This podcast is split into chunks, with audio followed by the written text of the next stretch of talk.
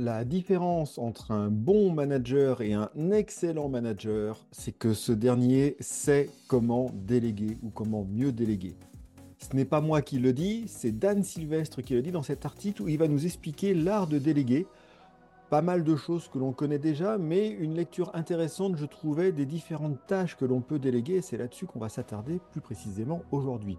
Bienvenue, vous êtes sur J'ai pas le temps pour ça, le podcast proposé par Eric Boucher. Je vous propose des trucs, des astuces, des outils, des méthodes pour être plus efficace au quotidien et terminer la journée plus tranquillement.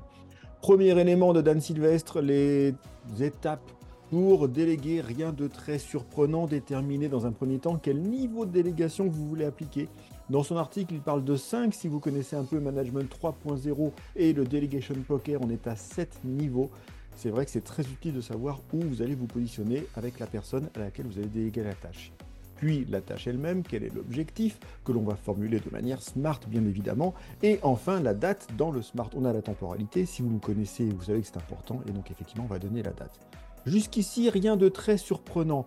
Là où j'aimerais aujourd'hui que nous focalisions notre attention, c'est sur les six types de tâches à déléguer que Dan Sylvestre a identifié. Ça marche mieux en anglais euh, comme souvent, mais ça reste intéressant. On a les six T selon lui tiny, tedious, time consuming, teachable, terrible at et time sensitive. On va les regarder tous un par un si vous le voulez bien.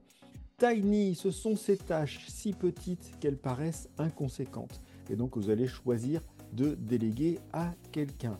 Tedious, ce sont les tâches qui sont simples et directes, selon lui, et qui peuvent et doivent être faites par quelqu'un d'autre. Vous allez vraiment les déléguer. Time consuming, des tâches qui sont importantes, peu complexes. Et là, sa proposition, en fait, c'est d'intervenir sur la fin. On rejoint aussi les histoires de delegation poker. Donc, quand elles sont terminées à 80%, vous allez pouvoir vérifier euh, comment ça s'est passé teachable, une tâche qui peut être transmise, détaillée étape par étape, et vous allez l'expliquer et la donner. Terrible at, les tâches qui ne mettent pas en valeur vos atouts. On n'est pas forcément tous bons dans tout et c'est tout à fait normal. Et donc il y a des choses qui peuvent être intéressantes de déléguer simplement parce qu'il y a des personnes qui sont meilleures pour les faire et c'est tant mieux. Et enfin, time sensitive, ça va vous rappeler quelque chose. Elles sont urgentes, mais en concurrence avec d'autres priorités. On est en plein dans la matrice Eisenhower. Vous savez, c'est la case en haut à gauche chez moi, les tâches qui vont être toujours urgentes, mais que vous avez jugées comme moins importantes que les autres. Et celle-ci, dans la matrice Eisenhower, justement, on dit déléguer. Et c'est ça qui est intéressant pour moi, c'est que là où la matrice Eisenhower nous donne juste une classification, les time sensitive, cette lecture de Dan Sylvestre nous en donne 6 les petites tâches faciles mais qui s'additionnent, il y en a beaucoup, les tâches un peu pénibles que vous allez donner à quelqu'un d'autre, les tâches qui vont prendre du temps, que vous vérifiez à la fin, celles que vous pouvez facilement enseigner ou définir, là où vous n'êtes pas bon et là où vous avez une deadline à respecter que vous n'êtes pas en capacité de le faire parce que vous avez choisi du plus important.